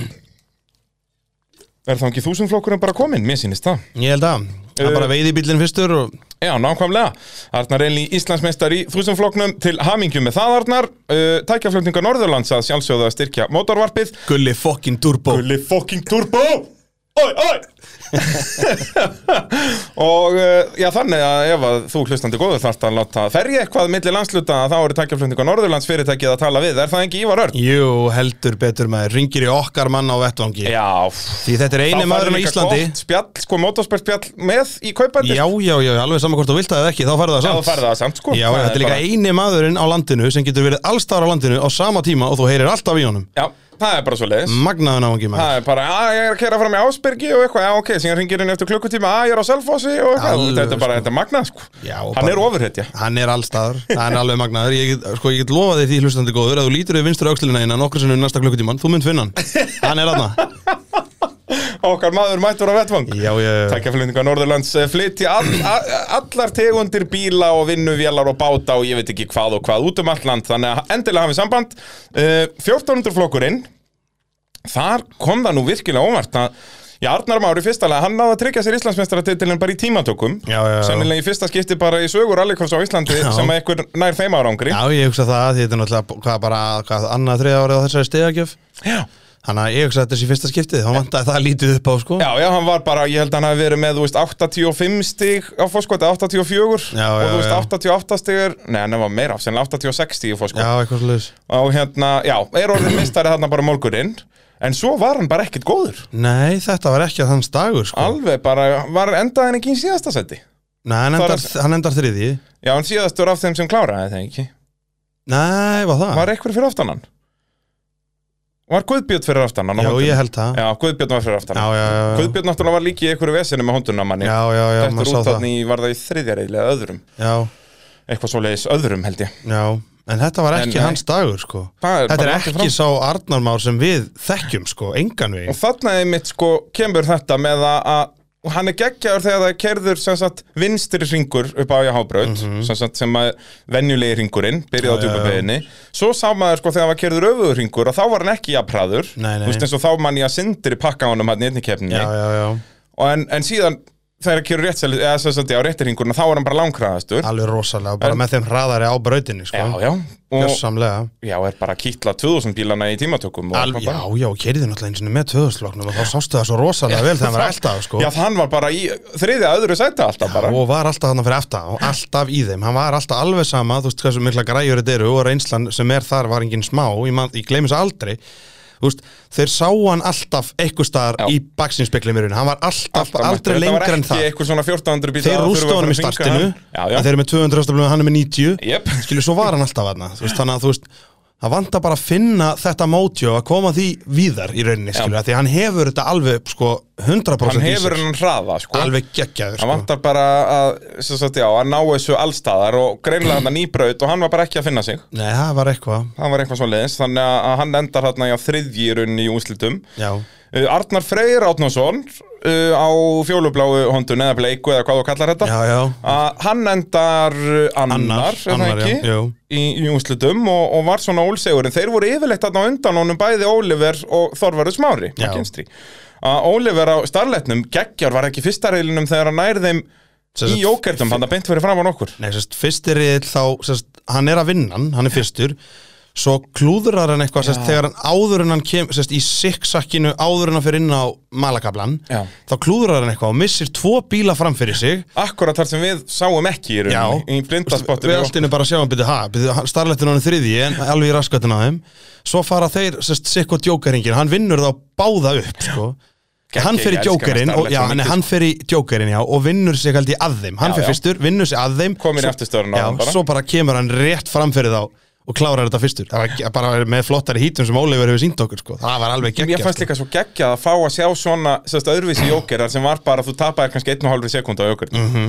og þannig mitt, sko, þú gast farið inn í jókerinn og svo bara ef þú náðir þeim ef þú varst komin í afturstjórnum með næsta þá vissur ok, ég er að fara fram úr en Akkurat. þú þurftir alveg, þurftir alveg að vera komin það nálægt í rauninni Já, þetta er að gaman þegar við fáum ekki bara tvo sem er að slást eins og til dæmis við erum búin að sjá svolítið í tvöðusloknum í sumar heldur að fá þriðja bílinn Jep. það gerir svo mikið þá upp á- rugglast þetta svo mikið Já, það ef, skilur- ef það eru tveir að berjast og hinn er stikkfrí þá, á hann, þá beitir hann þessari taktík sko. Nákvæmlega, og Oliver gerði það svo sannlega þetta í fyrsta bara riðlum geggja flott hjá hann sko. og hann endar á að standa uppi sem sigurvegari Já, hann stendur upp með sér Oliver sigurveri Örn Jónasson á starletnum en það var náttúrulega drama Já, og það var bara sem sagt, smárum að kynstri sigrar síðasta hít og í rauninni hefði átt að fá sigurinn Já. en er á of breiðum framdekkjum skilst mér, hann var á of breiðum slikkum það er sem sagt, sem sagt eh, takmörkun á því, þú átt með átt að vera með 185 slikka og ég veit ekki hvað hann var á breiðum slikkum Já, En en mér er það skilst eins og það. svoleiðis likkar það er bara þeir fást ekkert á Íslandi eða það ekki Þú verður að flytja þetta eitthvað inn er það ekki? Svona mjög- 185 ég, best, ég bara veit það ekki sko. nei. þetta er nú Já, ég veit svo sem ekki hvernig lagarinn á bíla búið bennaður sko. hann er nú yfirleitt reynsæður upp fyrir rednekkin þannig að Já. það er svona síðustu leifarnar eru reynsæður þá en ég veit ekki hvað, hvað er eiga á lagar en þetta er, yfirleitt er ekki mikið til á lagar sko, af Nei, þessu nei. sko En geggja að fá smára maður kynstri í þennan slag núna Já, því hann fór bara beint hvar er að hann ferðast búinn að vera í fyrsta sæti. sumar? Nákvæmlega að því að hann var geggjaður og hann Þetta er alveg agalegt og þessi Já. bíl er eitthvað svo mikil snilt hjá þeim maður kynstri ógeðslega flottur og, bara, sko. Geggjaður, og smári byrjaði samt daginn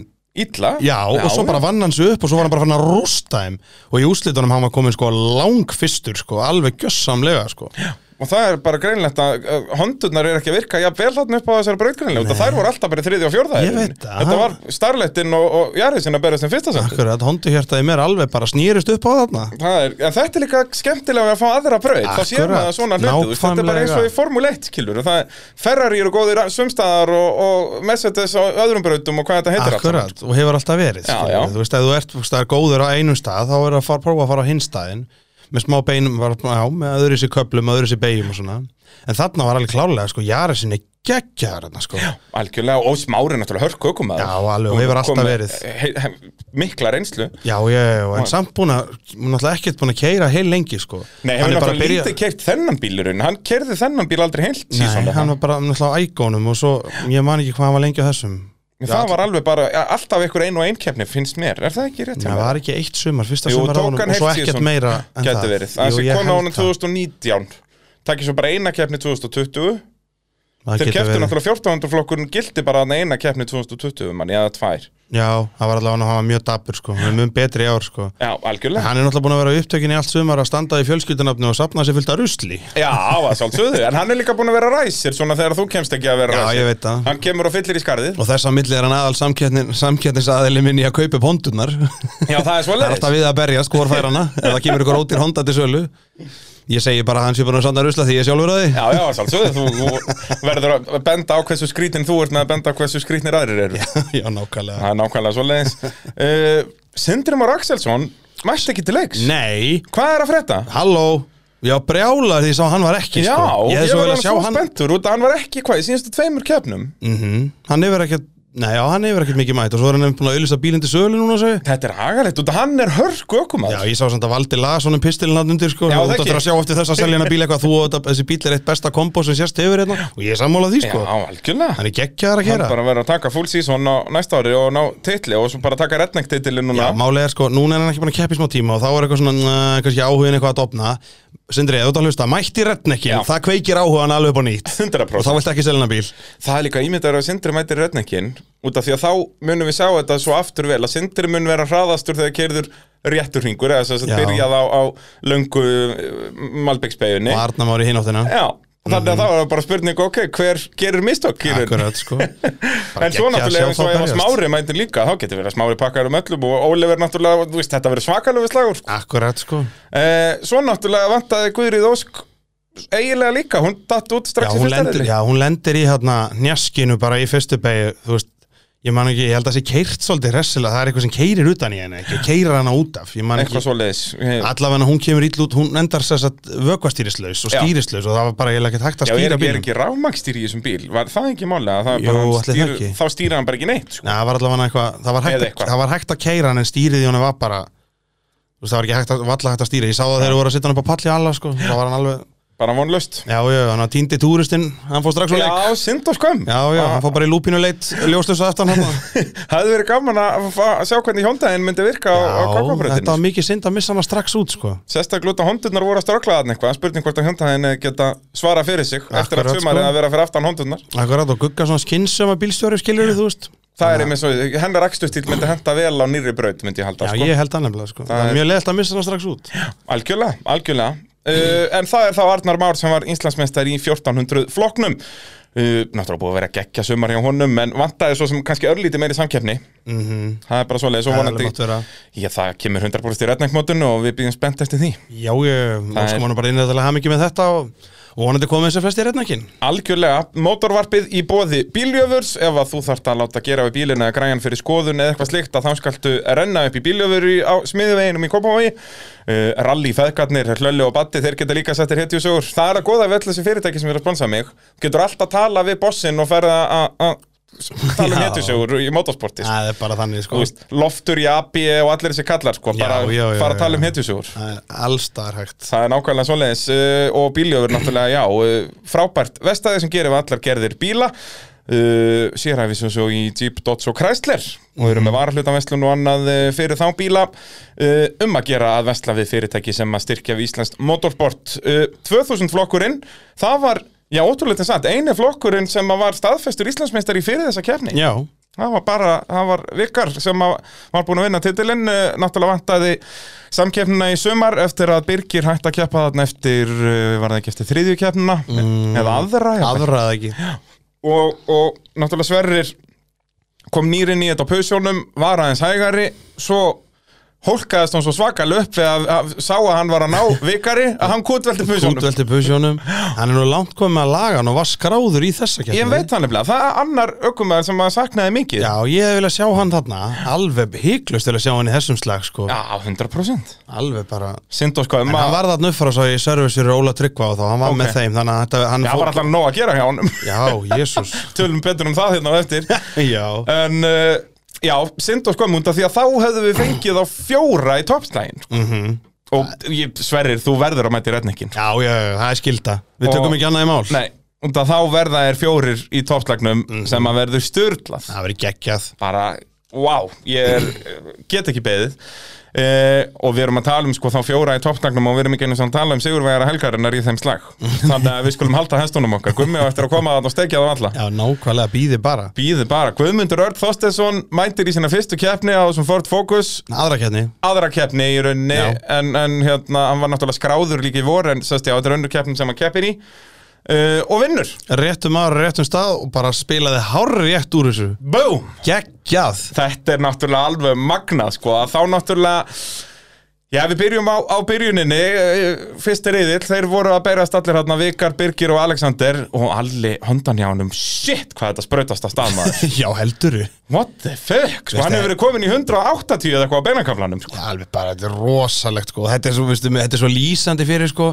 Búið að smíða turbínu í þetta og bara svona á, ok, bara blú, blásum lítið og höfum þetta áræðanlegt og ok og svona bla bla og svo, þú veist, ég sé þetta svo mikið fyrir mig svo sko, óvart fera með bílinn til guttana og þeir bara, "Ah, ah, ah, ah, út með þessa turbínu maður, þetta er alveg vonlaust maður og nýtt bensinkerfi í bílið maður og svo bara á dænobekkin og 281 hestar út í hjól Þakkaði fyrir, dömi mínur og herrar maður Á framdrifs hondu sem er að vera 30 ára gömur, Akkurat þetta er bara... Og yngu besta þarna sem með er- þauðmálun upp, já, svona átt að vera Algjöri meistarar maður Þetta eru svo miklu meistarar hann að Alveg. tímkraftflutningar Vá, sko, en aflið var líka kannski aðeins svo mikið fyrir annal okkar Já, og þetta var, þetta djúvöld að leiðast að missa hann út maður Það var alveg glatað Já, samt svona eiginlega fínt út að hann var með svo mikla yfirbyrði Já, eiginlega. reyndar, já, já, já það er þrjú- alveg Út af þegar hann var byrjar að vinna vikar Það var vikar náðunum einu sinni í startinu eða ekki Var Jú, það ekki í jú, öðrum jú, reilum bara jú. þegar allir síðan dettur út, já Akkurat, en þetta hefði verið miklu flóknar en ekki gleyma því Þetta, þessi, allir keiri bara á þurribraut Já. Um leiðu að hefur verið regning þá þetta verið miklu erfæðar Þá sko. hafði þetta jafnast miklu meira bara út af Akkurat, því sko, að hann þá- er reynda með, sko, hann er með Ég veit ekki hvað hann er með mörg möpp En hann er með, sérst, bílinn er sérst, stiltur þannig Hann Já, getur hann getur verið með skrú- rigningarmapp, Já, basically, hann bara getur skrúa sérst, niður. bara skrúa niður í honum sko. Það er ekkert mál, sko Hann er Það ekki er að- mjög mikilvægt líka Já, bara hann er ekki að keira hann á 280 hesteflum Hans, hann er á 250 eh, bara Já, innan bara. stórra gæsalappa skilst mér og hann getur eitthvað að skrúa niður í honum meira líka sko. Já. sem Þannig verður að verður þetta að vera hægt sko. þetta er allt og mikið, ég hugsa að þetta vera á brautinni hinum minn og væri með hann í botni það er bara ekki sén, sko. hann Nei, myndi nei. bara spóla og spóla og undirstýra út um allt sko. Já. En það verður líka það áhugavert í redningnum að sjá hann mæta það sko það er svona, þegar hann virkilega þarf að vinna þá er allt sett í 280 og mun bara brrrr, það verður brjálaður það verður geggjað uh, En já, það fór sérst girkassin hjá Alexander Már Steinasinni já, eitthvað í dreifin í girkassanum fer uh, Birgir Kristjáns á Tæper Siðvignum Mhm. þann náttúrulega hann er ennþá bara í sama vissinni þessi bíl fer bara ekkert af stað mm og svo dettur hann út Já, vitum við eitthvað hvað gerðist Já, hjá honum? girkassi. Hann var girkassi líka, mm Mhm. -hmm. það er svo leið nýja dogboxi klikkaði bara, Já, það, þetta er alveg glata Hann var eitthvað, ykkur gýrgasafisinn og hætti bara sko, r- þorði ekki að skemma Ég Nei, skil nei. hann alveg fullkomlega nýbúin að kaupa þetta verið fullt af peningum kom með alvöru keppnis girkassa Já, gekkja hann sko Já, þá bara vonandi að þeir græja það fyrir redneck það Eina vona lítið. innilega Já, já, já, það Þannig að- hlýtur að vera Við Jú, kom- hann talaði um að setja sest, orkinan kassan í hann og svo bara læsingun á milli og Já. stóð mæti reyningin sko. Akkurat, akkurat uh, Svo náttúrulega var uh, smá, smá moment á milli Vikars og, og Birgis Smá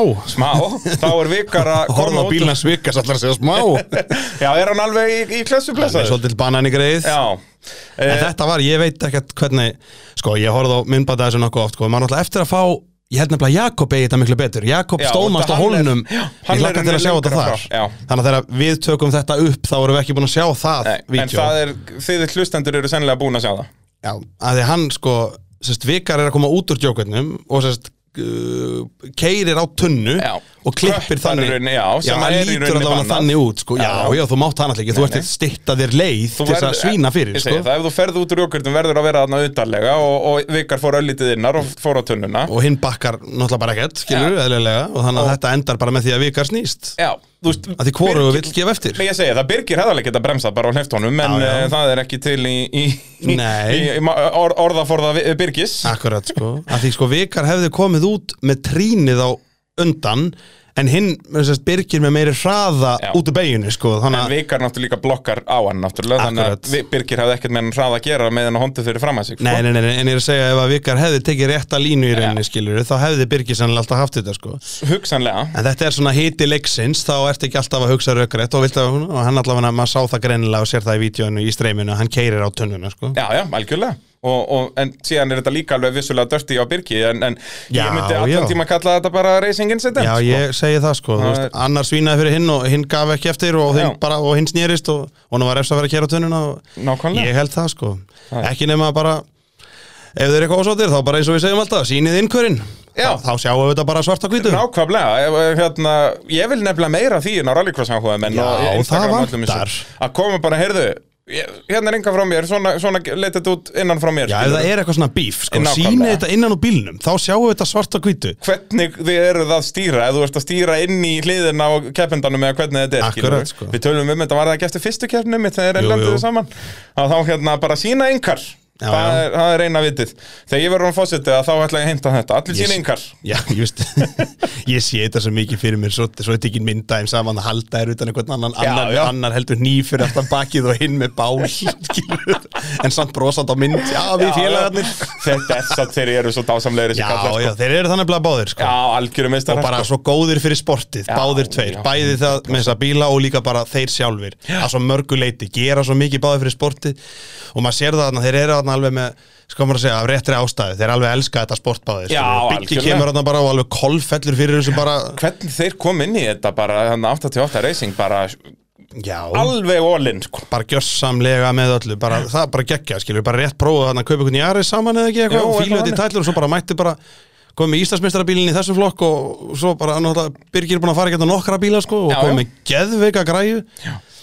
Þetta Þetta er er bara, bara þetta eru snill. snillingar já, flottir strákar að fá inn í, inn í sportið sko Algjörlega. Eh, Þannig að Vikar hafði þetta allt í höndum sér þarna þegar að þeir voru báðir orðni girkassafanna, Birgir og Alli.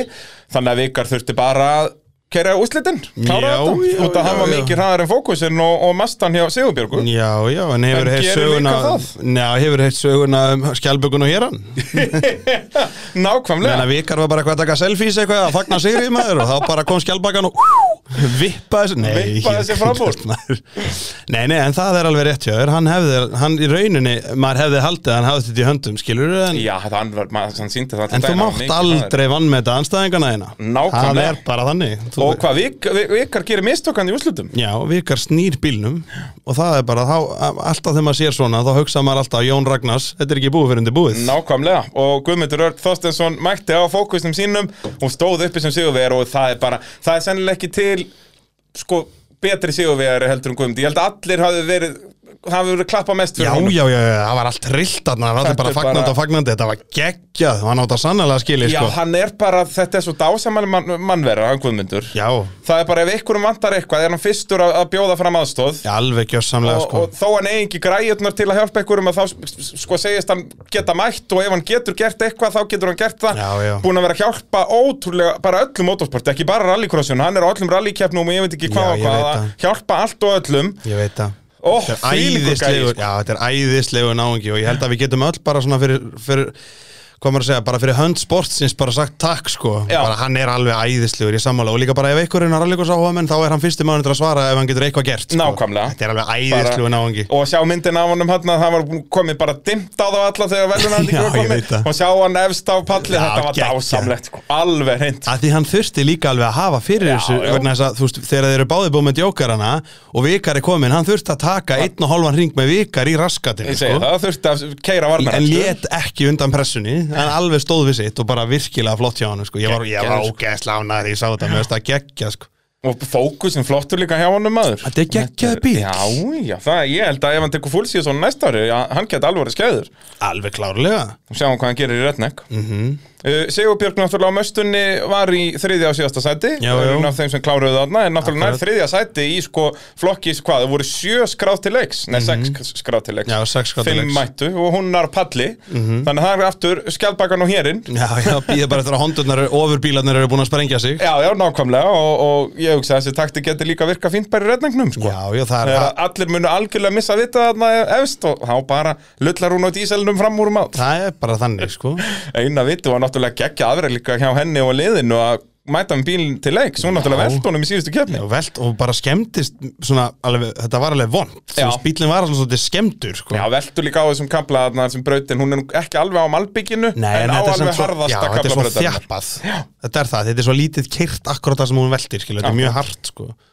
Þannig að- að bara virkilega flott hjá, hjá Sigurbjörg og, og liðinu að mæta til leiks En uh, já, Guðmundur Örn Þorstensson var Sigurvegari helgarinnar en vikar Karl Íslandsmeistari í 2000 floknum Mótorvarpið í bóði Ólís uh, og Grill 66 náttúrulega Ólís líka, dásamlegu matur þar Hvað eru trukkararnir að vinna með á, á Ólís núna þegar þið stoppið þar? Æ, Ég er í Eko Beikoni Þú ert í Eko Beikoni, það er bara, eh, kemur í morgumat á, á öllum tímum sólaringsins Já, já, ná bókstaflega bókstaflega og lýs eh, frábært að fá svona frábært fyrirtæki í eh, motorsportið á fullu að nýju náttúrulega sögufrækt eh, fyrirtæki í íslenskum aktusíþróttum og eh, er ég virkilega stoltur að geta sagt að ég sé í samstarfi með Ólís uh, hvetjum við þá alla líka að fara inn á vinahópur.ólís.is og sækja um Ólís leikilinn uh, þá förum við í fjórhálaturisflokkin ég var mynd Já, Og þar var nógum að vera Já. Þar fengum við drama strax í fyrsta riðli Því að já, Óli Tryggva var með 61 stega fórskot á Agnar Freyr í Íslandsmótinu Þannig að hann var basically, ef hann myndi bara lendi síðast að sendi í öllum riðlum Þá myndi hann vinna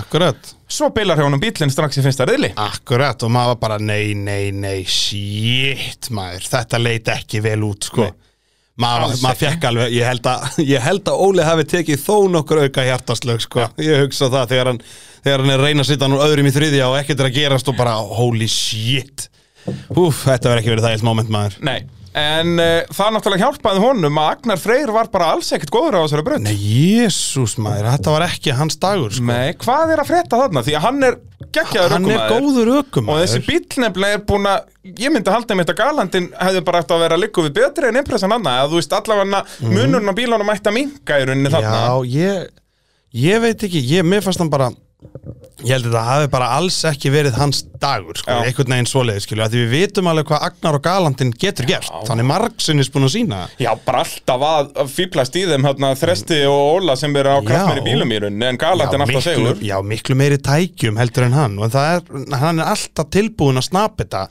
Þú veist, hann er margóft búin að sína það, hann er alveg, þú veist, engur síðar ökumar en trösti sem smíðaði bílun og var ógeðslega góður á þessum bíl, Já, sko. já, tvöfaldar meistari. Akkurat, sko. En, en þess vegna mitt undir maður En halda á þetta ekki var agnar bara- hann á nýri braut, en En síðan samaði líka að þetta var einmitt aflið skipti ekkert öllu máli því að Birgir Guðbjörns og hann mættur hérna bara á sínu, sínu orginal impressu Gekkur, já, hún er með ágætis fjöðrun, Já. þessi bíl.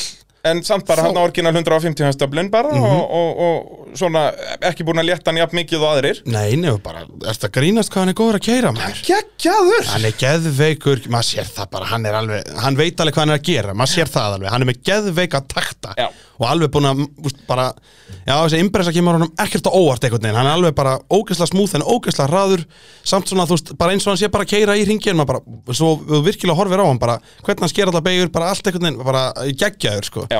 og ég held að sé bara að segja bara, hann er bara, Það, veist, hann og Emil keiriðu best í þessari keppni sko. þessir tveir ökumenn voru bara stóðu uppi sem langflottustu sko. og það er raunin að rósa hvað, eitthvað kallið um 50 til að þú sett jafnvel að Já, gera góður og 16 ára einn, unglingur Já, en 16 ára það er samt bara þannig skilur við. Algjörlega, ef og Birgir náttúrulega Ég er komið með gömlu góðu tættan Hann náttúrulega var að keppa í rallycrossi þarna sko bæði fyrir svona tæpum 30 árum og svo líka fyrir tæpum 20 árum já, já, já, já. Hann tók hann tvö hann annars smíðaði vegar- stelðina ekki Jú, mér Já. skilst það sko, þannig bara eitthvað 2002 eða eitthvað, eitthvað Já, sem já, það já. var. Að, hérna, þannig að hann er alveg með reynsluna, hann þurfti bara svona að finna mótsjóið aftur já, akkurat, og en hann þarna er sástu búin að vera fór, fullu í rallinu líka Akkurat. náttúrulega. en þú sér það þarna en, þú veist, þarna fórum við á nýja braut og hann var bara geggjaður, langflottasti ökumæðurinn af þeim í- sem voru í fóruldræf sko. Algjörlega, algjörlega. Uh, ef við förum aftur hann í slæginum fyrsta sætið, að það náttúrulega hjálpaði Óla svakalega í fyrsta reyðli, að hann endar ekki einu sinni síðastur. Þó hann sé Nei. ekki með neitt þriðagýr, með Agnar fráttan sig, agnar fyrir aftanan og þar með nær Óli að tryggja sér titilinn. bara þarna Er ég nokkuð vissum, svona samkvæmt, mí, já, mínum reikningi? allavega hann hefði ekki vantað mikið upp á Já, þú veist, Agnar hefði þá allavega alveg þurft fullt hús eftir þetta Já, já, sem hann já, var já. ekki á leiðin að fara að ná, sko nei, og, nei. en þeir tóku engan séns á þekku- þessu hjá Tryggvason Racing Og, nei, það sá maður þeir, hva, og hvaða vesen var þetta, hvað tókuðu Það var- vélina þrisvar sinnum úr Já, bílum? það var eitthvað kúplingslegu vesen held ég Já. Þetta var eitthvað tengt kúplingur, Alveg þetta var rétt, ekki þetta var girkassinn ekki girkassinn, það er Nei, rétt. Ég kíkja þarna eitthvað aðeins niður á hólnum Það var bara engin smá ganga hana Já, já, það er Fyrir bara feitan vöru bílstjóra En ég kíki, þá eru þeir að rífa vélinn upp úr í annað eða þriðaskipti að reyna að fá hann til að kúpla sko. og eru komni með kúplingslegu og eitthvað þarna uppbyttir bara að fá lánað eitthvað og eru þarna að vinna í þessu alveg á fullu sko.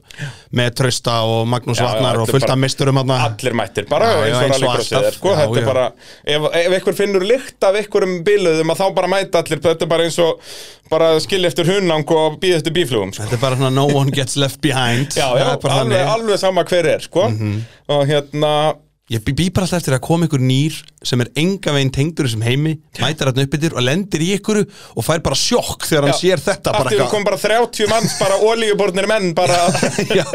og þannig er ég ekki að tala um olíuborna menn eins og eitthvað sexy, heldur eru þeir bara olíu viðbjóðslegir Þeir eru mjög sexy Þeir eru svoleiðis. þetta gríðarlega kynasandi sko Það er bara nákvæmlega svoleiðis Og hérna, og valsa já, og bara sjá smettið á einhverjum einhver nýlega sem kemur þarna bara einhver átjónar á guttið eða eitthvað bara, hvað hva er í Já, gangi? ekki það, við erum örgulega búin að fá að sjá þetta aðna upp á braut sko, Já, en 100%. svona- maður bara hættir á svo mörg atveikum að maður þetta ekki allt þetta er orðið svo þetta er ligguð fara að vera sjálfsöðlutir sko, Já. að sjá þetta sko, að sjá Ég eitthvað svona elska núna og þetta er búið að vera mikið að gerast í úlingafloknum að sjá síðan sko mömmupóstanna á, Já, já, já, á já, Facebook allt í hjörtum og bara, æ, hvað allir eru æðislegið, Já, hann bara lilla snúla minn þú veist, og það, þau, þau hafa kannski verið með krakkanum í fullt af einhverjum öðrum íþróttum skilur og þá er þetta ekki nálægt í svona Nei. skilur. síðan bara heyrðu og já og þau kannski átta sig heldur ekki á því fyrst sko að, að þetta er allt sko keppni, þetta er allt samkeppnin sem er að koma að hjálpa Já, þér, ég skilur. veit það. þetta er ekki bara eitthvað random fólk Nei, akkurat, fótbrotnaði fótboltamaður Herði, já, van, van, van, já, vandaði vinstri, já, ok, ég er með annan hérna Já, nákvæmlega. Fáðu bara minn mann Þú veist, þetta er já, alveg eða magnað, sko. bara hérna, þú veist, fáðu takkaskona mína bara skilur, Já, bara akkurat. glemdu því sko Nákvæmlega og hérna, þetta, er er bara, magnað, sko. þetta er svo dásamlega íþrótt, Já. það er bara svo leiðis Eh, en Óli nær, mætir hann þá fyrst bara í úslita? Nú... Mætir hann í þriðarið? Nei, ég held að Nei, var þetta ekki bara júslitin? Jú, ég held það, ég held að það veri Nei, Hvort nei, sem nei, hann nei, nei, mætir nei, í- hann, hann mætir í þriða heit, hann Já. missir eitt hít Hann mætir í þriða heit, ræsir aftastur og endar annar á eftir Birgi Já. og þá kemst hann upp á, sem sagt, upp Fremri á röð. fremri, fremri línuna og vinnur hítið, úslitin, alveg rétt já sem eru svona pínu skellur fyrir Birgi eftir geggjaðan árangur allan Á, daginn það var það, sko. En, en Óli náttúrulega magnaður ökumar og þessi bíl náttúrulega störtlaður eins og margóft hefur komið fram Já, já, það er bara náttúrulega Hríðskotabyssan. svoleiðis. en Ég sá að Agnar börnin, náttúrulega- sko, börnin voru búin að læra inn á bílinn, ég sá, ég var hann upp, í, upp á hólu og það var fullt af einhverjum krökkum og þau vissi alltaf, þau voru búin að setja sér í stöðu svona eins og þau voru að skjóta úr hríðskotarifli voru að býða eftir því að þessi færa stað til þess að svona, vera að skjóta svona það var Það er hókislega grjótar. fyndið Æ. ég kunni líka metta það, það var alveg fullt af úlingum voru komnir bara það var hálfur bekkur þeirra mættur á staðinn sko. Já. það er geggjað að sjá það Ógeðslega bara mikið að krökkum og þarna. líka þú veist þarna bara já 14-15 ára krakkar að koma þarna og eru þú veist það er svo mikið passion í gangi þarna sko voru Akkurat. hlaupand um hólinn alveg hægri vinstur og, og kemur hann í markja og geggja og hlaupa Já, sér ég inn í veit pitt og það, eitthvað það er svo geggjað, sko. pekkuð, já, svona þetta- átt að vera kemur svo mikið líf á Þetta er keppnisdaginn. fjölskyldusport, sko. algjörlega sko. líka bara ímyndaði hvað er grjótætt að þú ert bara í tíundabekk og ert að keppa í fokkin kappakstri Já, ég veit það, ég Bara- átti reyðhjól og Já, vassandi sko nákvæmlega, þú veist, ég setti stundum Pokémon spil á reyðhjólu mitt þannig að kom brrrr Akkurat uh, En já, Agnar náttúrulega hefði getað sett svakala pressu á Óla hefði hann unnið fyrsta riðilinn Já, og haldið sér áfram að vinna þá hefði nú farið að svitna helviti mikið í skúrnum í Óla akkurat en uh, það var síðan Óli gerði alveg nóg náttúrulega og endaði á að vinna þannig að hann var alveg örugur Íslandsmeistari og Já, já, búið já. að vera geggja sumar á þessum geggjaða bíl Já, já, já Óli Tryggvi að, að vela þessum titli kominn Algjörlega sko, algjörlega uh, Þröstur var mættur á nýjan bíl Hann tók okkur alveg úr jafnvæðimar Ég held að þetta væri bara Kristinn mættur aftur á sínum Steinsson vagn en hann er búin að kaupa hann Já, það skilst mér Já, hann, sem sagt, hinn mætir ekkit fyrir hann næsta ári sko Já primadonnan Þannig að hann verður bara á þessum í- Hann þessum verður að meðan. burra á þessum í rednegnum Já, bara hann ætlar að mæta á þessum Já, er reynda ekki er þetta geggjað bara Lítur að vera, ég trú ekki öðru Já, 100%, 100% Geggja, geggja veltibúri í þessum bíl Já, já, já Gamli brandur Gamli brandur uh, Tryggvi Ólafs mætti á, á eðal baðkarinu sínu Legganum góða Já Og hann, þú veist eins og þegar ég var að horfa á hann í tímatökum Sko bara gegnum albegskaplanarna sem við vorum Hann var að bara að taka svona sekund af pappa sínum þar sko Hann Mhm. Já, var bara maður hvernig hann var tala að um slæta hann í gegn sko Og tekur alveg lúpínuna alveg Og hann var duglegur í því í keppninni líka sko Alltaf vel upp í lúpínunum Já, akkurat Að að nýta alla brautina og rúmlega það Já, nákvæmlega Allt eins og þetta á að vera Já, já, já, já, hann var mjög góður Ég ætla að skýna sláttuvélina eftir þessa keppni, sko og hann er bara ólsegur að tryggva vanta bara meira power Já, eða já, það er annan alveg bíl eða þannig, sko. eitthvað hann þarf bara sest, vera á samkefni sæmari bíl sko. Það er alveg þannig sko, en hann er svona sko, ég væri til í að sjá hann, hann þurfti að vera með svona límið á bílum hann, frá Eiton Senna If you no longer go for a gap that exists, you're no longer a racing driver já, hann er alveg Hann alla lætur, leiðina þangað sko. alveg lætur vaða ef hann Já, sér bara, já, já. herru það er hérna A4 blað myndi slæta hérna á milli, ég ætla að reyna að koma að leika sína þar Ah. en hann er, já, já, bara hverki bankinn Það er bara þannig það er nákvæmlega svoleiðis uh, Óli Tryggva meistarið þarna í forvildræf flokki, geggjaður árangur í honum Sa mér saknaði þó Kristoffers á, á guliðimpressunni, hann var ekki mættið til leiks Nei, ég vil segja það með þér og eins bara Magnús Vatnar, hver er hann? Já, hann náttúrulega lendir í náttúrulega þegar að þeir lenda saman hann og Galandin og það stór tjónast í tjáunum Subaru sko. pressuna, já. já. Þannig að hann En er vonandi ennþá bara- kemur hann fyrir retnekki Já, verður Magnús Vatnar, mætir í retning Ríðu í gang Það er bara, við verðum að fá 60 pluss bíla í retning Já, ég er sammála því Það er bara svo leys Við þurfum að ná, hvað, metið er 56 Já, er metið svo mikið? Já, já, verðum að toppa Eftir þetta sísón verðum við að toppa það Við verðum að ná 60 okkar Já, 100% Það Það er búið að stakka bitinn og það er allt reddi Það Ég segi það vantar bara kemenduna Og Og- já. bílarnir eru til Það er nóg til að bílum Við, sko, við, við komumst í þryggjastafatölu Við að telja upp alla bíla sem er allikosbíla sem eru til held ég Ef þú algjörnist telur alla, ég held Já, þú þú náir telur alla sko sem að Ég meira segja þeir sem eru bara nokkuð reis reddi sko Að Mhm, Ég það er held það. leikandi, já Mm. Ég held að við náum þangað Alla mjög nála því Þetta er á næst ári til, Ef það væri þannig maður Það væri mættur 100 bílar hann Shit Ímyndaði líka þá alla klúbana sem myndu berjast við að reyna frá að halda rallycross-keppni Það er bara Hvað þannig. kildur að aurin við, þú veist að það eru, hvað er keppniskjöldin? Er þetta 12 sem kallið, er þetta meira? Eh, Nei, það er ekki 14 14? Nefna af junglinga, þeir eru aðeins ódýrari Já, en þú veist bara þá er þetta komin Já. í, í mikinn pening að þú nær Já, já. 100 keppendum Það er nú þegar mjög mikið sko. Já, Plus þetta algjörlega. er mjög áhörund á vænt og vinsalt sport sko. bara bing bara búm uh, Opnuflokkurinn uh, þar var Erlendur Örn Ingvason í vesinu á bensanum Já, okkar maður á vettvangi okkar maður á vettvangi Já. sem að náttúrulega senda okkur bref eftir síðasta það að við höfum verið að fara með fleipur hér Sko, við vorum búin að, sko, ge- við vorum búin að segja hérna alls konar hluti og nei, það böggaði hann ekki neitt, sko, að við vorum gjössalega að gera, já, já, það, það skipti engum máli en á húttinu á bílnum, þar er sko enginn djöfusins Beyoncé þetta er Jennifer Lopez það var það sem við klúðruðum bara, já, öllu sem við sögðum og öllum íkingunum og bullunum sem við sögðum, nei Viltu Þetta gjöra svo er vel? J.Lo. Þetta er J-Lo, þetta er ekki Beyoncé Þetta er svo miklu þetta snillingar er bara She's still Jenny from the block sko. það er bara svoleiðis I'm still, I'm still Þetta er bara, þannig að við fórum með fleipurur í síðasta þetta, byrjumst Já. innilegar afsökunar á Já, því bara að- afsöku innilega elli okkar Já, bæði Elli og, og J-Lo náttúrulega Já, já, Þeim er já. líka beðast afsökunar að- að að vera að fara þarna með rámt mál að auðvitað er þetta Jennifer Lopez Ben Affleck er þið brálaður að myndi frétta þetta sko. Nákvæmlega uh, En Erlendur, endaði hann ekki að vera bara í afturdrifinu? Sko, hann brýtur framdrifið strax og svo mætir hann aftur á ráslinu bara í afturdrifinu og þá hætti bílinn að hlaða Já, Það er að vera Alls eitthvað, hann náði ekkert að keira hann Nei. sko. Ég sérst missa tímatökunum og ég sé hann aldrei keira bílinn sko. Hann mætti bara hann á ráslinuna þú nærði einum Nei, hann mætti bara á ráslinu og hann fór ekki að stað Jú, í einum reyðli var hann í afturdrifinu Í fyrst, í öðrum Nei. reyðli Í öðrum reyðli keir hann í afturdrifinu Já. Aha. Nú, ok Já, já, já, já, vá, ég var búin að glemma því En þá mætir, það er þá þriðir reyðil sem hann mætir Já. ekki Þá held ég að- að rigningin er búin að Já, þá yfirbuga ert þú mig. farin, Já. þá kom hann á línuna og hætti að hlaða og fór Já, já. Alveg rétt, já.